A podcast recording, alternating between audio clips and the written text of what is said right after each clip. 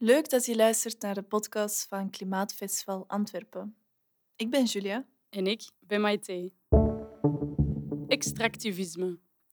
Het onttrekken van natuurlijke grondstoffen om ze vervolgens te exporteren. Een praktijk die al meer dan 500 jaar bestaat, maar vandaag uit zijn voegen treedt. Door industrialisering, globalisering en neoliberalisering. Amanda Pina legt uit dat deze koloniale praktijk maar mogelijk is door een bepaalde vorm van kennis. Een westerse, wetenschappelijke, geïnstitutionaliseerde vorm van kennis. Kennis die de natuur als een dood en passief object beschouwt. Een object dat we ons zomaar kunnen toe-eigenen. Hoe transformeren we deze dominante vorm van kennispraktijken? Hoe decoloniseren we de natuur?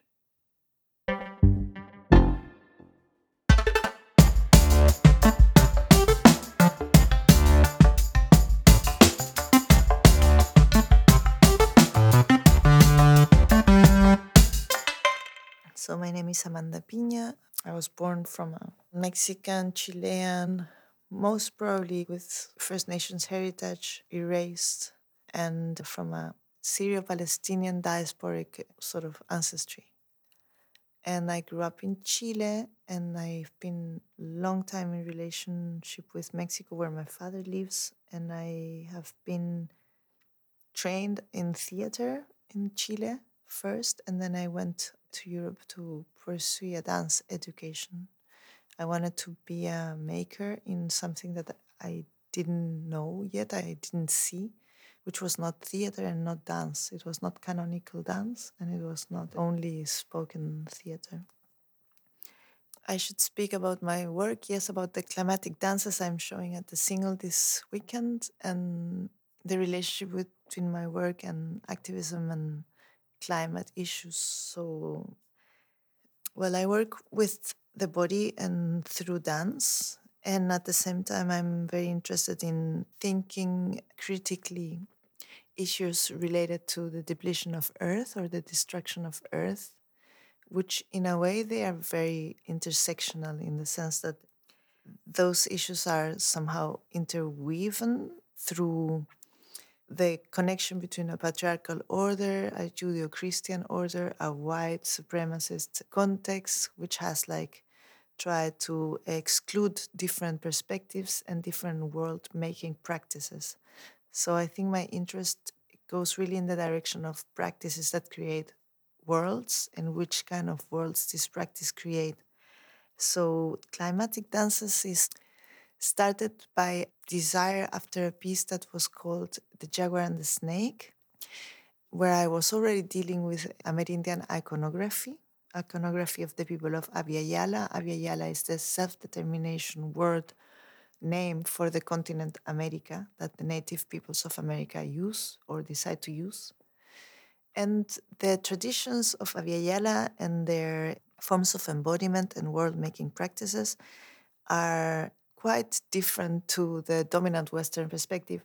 I always also like to acknowledge the fact that the dominant Western perspective is not all what there is or there has been here, in order to acknowledge the voices of dissident women and dissident people attached to land, attached to territory, which have like sort of embodied different forms of dealing with what the West calls nature those practices in Abya Yala are very, very diverse. Some of them, not all of them for sure, but many of them have a sort of a different relation to the body and different relation to other bodies, which are not human bodies or not anthropos bodies. This relation, in the case of what I am most sort of acquainted with in Mexico and in the Andes. Mexico is the high plateau, Mesoamerica. And of course, the Andean region is very diverse, but it has some kind of a similar cultural matrix the Quechua speaking people, Aymara speaking people. And in the case of Mesoamerica, I've been working with an anthropologist who is also a dancer. So his name is Johannes Neurath, and he's an expert in danza and climate change. When I say danza, I speak also about it's not the same like dance. it doesn't have the same canonic concepts. It's not it doesn't happen in a theater. It's a concept of dance that is collective that emerges from probably context of earth and people, yeah, not solely human context, context that include earth or earth beings in the equation of creating these dances. And Alessandro has been looking at the way Masewal Nahuatl speaking people dance and they dance some kind of collective celebration dances which are related to the mountain and which had a, like a standard narration and a hidden narration. And he was interested in understanding the hidden narration since he's very fluent in Nahuatl. He could create a different narration than the narration that existed till the 90s, let's say, which was a narration that was done by an anthropology that felt and thought of itself from a very different perspective. And by looking at those dances, he discovered that the dances themselves were like 3D models or like holograms of socio-ambiental relations. And socio-ambiental relations would include what we call environment in the West as part of a social relation. And I think that is interesting, not as subject object relation, but as social relation. And the dancers who dance these dances become or embody the mountain and the mountain as a being, which is like the mountain as someone with a certain agency that for sure it includes the agency of all the individuals, if we could say, that conform that larger body of mountain, but also create a certain eye perspective mountain, which can be then voiced through the experience of trance of the dancers. The needs of the mountain, oh, not anymore fishing here this year or fishing here later or going to plant in the other side, not planting here till November, I don't know. so this kind of like cosmopolitical, very clear negotiations between the earth being mountain and the dancers. How can we understand that beyond the notion of cultural belief? And I think this is very interesting and very challenging because in the West we have been talking about the commons, right? How a lake can be a common, a river can be a common, a mountain can be a common. A lot of people from the social science in the Americas and in academia are starting to sort of translate into the discourse of academia, which is a historically white discourse, historically sort of impregnated by the form of viewing of science, which is a way of knowing and of world making that is created through distance and through isolation from relations traditionally. I don't say that science cannot transform into a feminine or a more female in terms of relational oriented. I don't say that science cannot become a decolonial context, I think the door is open in that direction, but of course, it's a process. But in the way science understands knowledge, is a very particular form of understanding knowledge that creates certain worlds, right? So, all what is not under its sort of universal context is then understood as cultural belief. So, oh, the people in the Andes, they believe in a mountain, which is not a mountain, or it is the god of a mountain, which would be again a form of transposition from a Western concept of God into the belief of others. And Alessandro Questa with the Masewal realizes that it's the same what is happening in the, in the case of how Mexican anthropologists and scientists and dance critics understand that dance. And he starts like looking at the dance beyond this perspective of cultural belief and beyond these narrations of nation state, which are often imposed in what also the West called traditional dances, right? So we encounter this fake, like false universality of the visions of the West, the visions of the white, in every corner. And it is a process of acknowledging and of humbling and also of embarrassment to see like, oh, this is so embarrassing. How how could this perspective not be be so unhumble to think that it has the final truth of the lives and cultures of others, right? And the ways they interact and create a world, and which kind of world those practices create. So I think like maybe somehow in, in relation to what in anthropology is called the ontological turn or anthropology beyond the human, to look at these practices beyond the notion of cultural belief and to see what they produce is very similar to what we do in performance, right? In performance, I don't care if if what I do it is sort of essentially truth, right? If I am embodying some iconography from the Andes, I am not busy with the idea of am I this being or not, right? I'm interested in what the practice of becoming this being produce and in which way one can embody other beings. And I think that is a basic misunderstanding in the encounter between the people from Abya Yala, the Americas, and the people from the West. And it's around the notion of representation. And I think this is very related also with the way one can relate with other forms of life beyond the human context. When the colonizers came, they became the extirpators of idolatry. And in the Andes, there were mountains which were not really mountains, and they were worshipped as beings, as tirakuna in Quechua, which is being of the earth. So there were being like people, people, and people, earth. And people, earth Eh, exist in relation with people people. And people earth could be a mountain but it could be also a jaguar but it could be also a certain tree or a whole forest right? Within different scales. Today is interesting because we know through science that we are made out of otherness. We are also ecologies walking ecologies. And the more science goes in the direction of discovering and like on leaving this relationality we carry the more we see that what make us digest or what make us have emotions is probably nothing we could call myself, but a sort of orchestrated multiplicity of otherness, right? In the same way with people, earth, tirakuna or earth beings, they are made out of multiplicity. At the same time, they can be recognized as uh, one. So the practices of people, people, and people, earth are sort of in the Andes, but they are replicated in many places.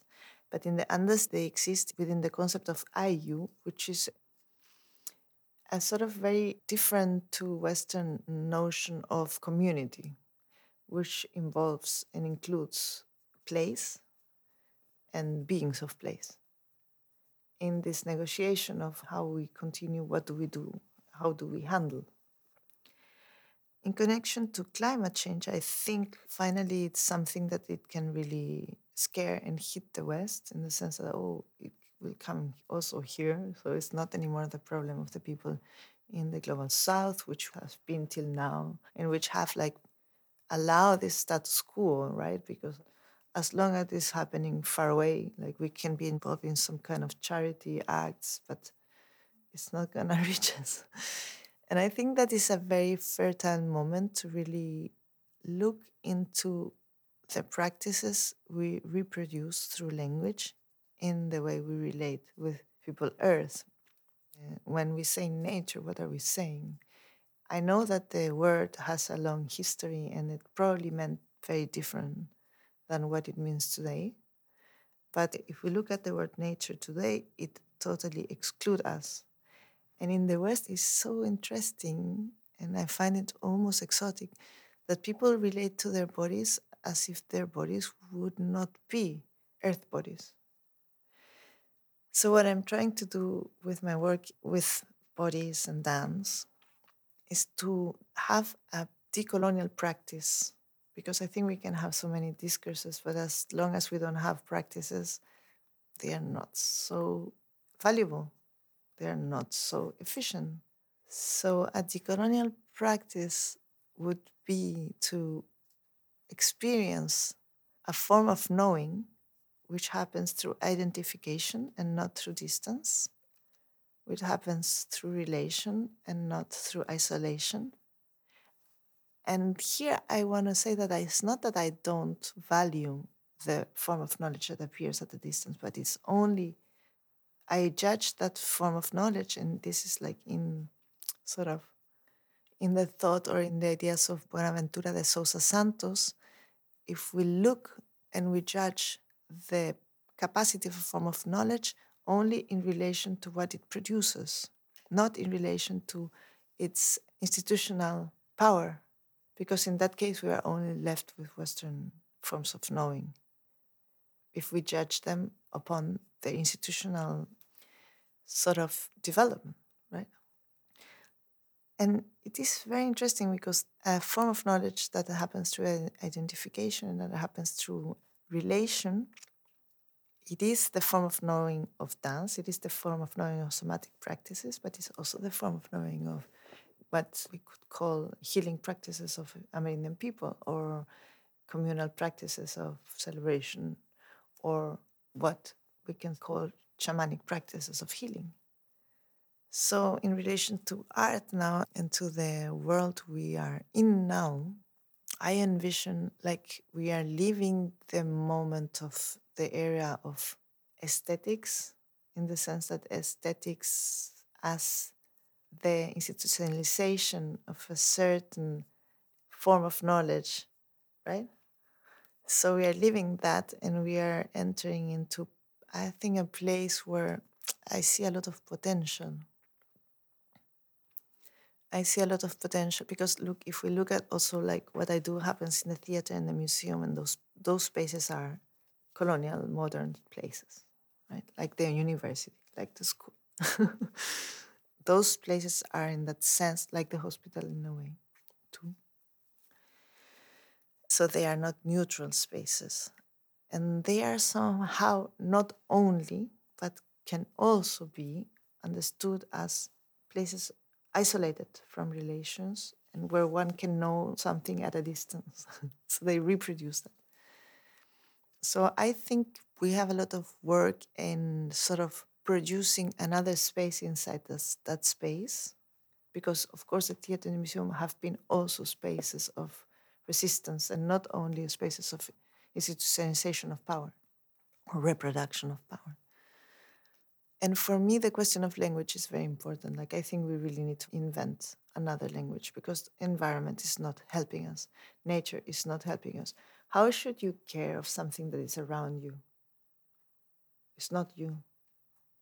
I think we lack of understanding of the real interconnectedness through our bodies, really, and what our bodies are made of and what they need and in which way they are directly connected to a mass of water in the Andes of Chile. My mother is an ecofeminist. She didn't call herself like this, but they were in Chile in the 80s already.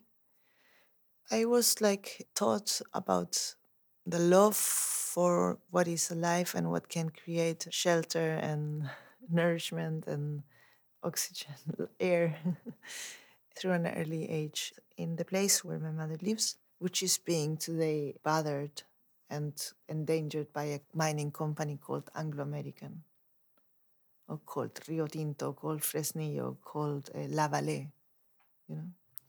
And in which way those mining companies and those extractive powers operate with a form of knowledge that is given by science.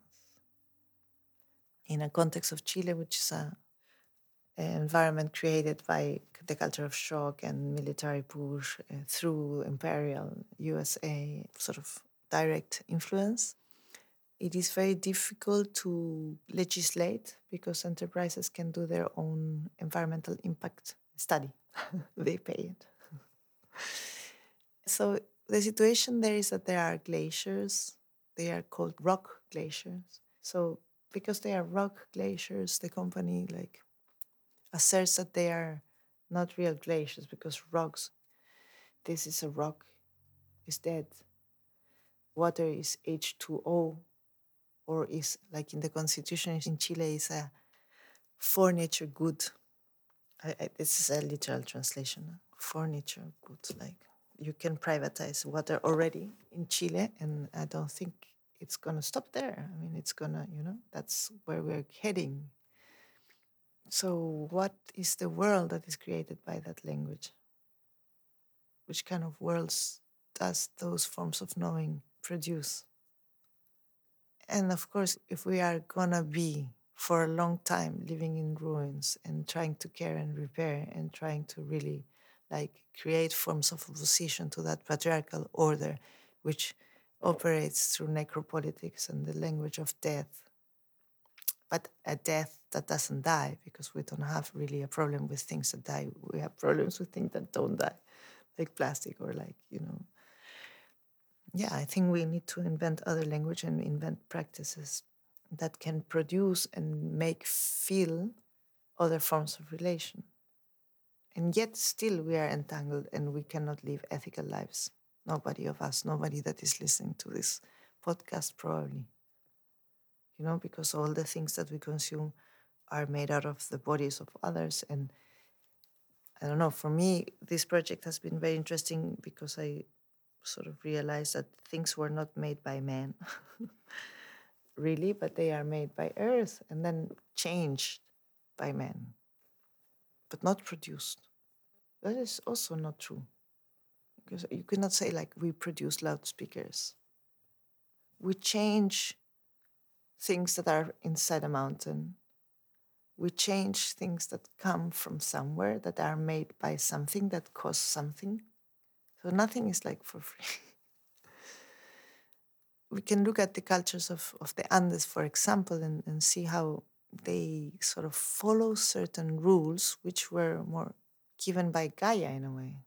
You know there were rules that are very different to free will like very different to free will. Free will in a way it would be ridiculous because you cannot you cannot just fish all year in certain rivers in the Amazonas. You do it sometime and sometimes you don't. Because how are you going to allow the others to reproduce? And you are directly related to that bodies of others for your maintenance. So I think we are entering in a world that is not free will, that is not aesthetics, that is not about in a world in which nature and human don't exist as we understand them yet. And I think a sort of a, a decolonial ecology is something to really be explored and integrated. And this idea of the uncommons, like also because when you reduce the world practices of others to cultural belief, like it happens in the Andes all the time, well, that is a form of white supremacy. That is a form of colonial modernity in the way modernity really operates, which is through the depletion and through the really the theft of literal the homes of others.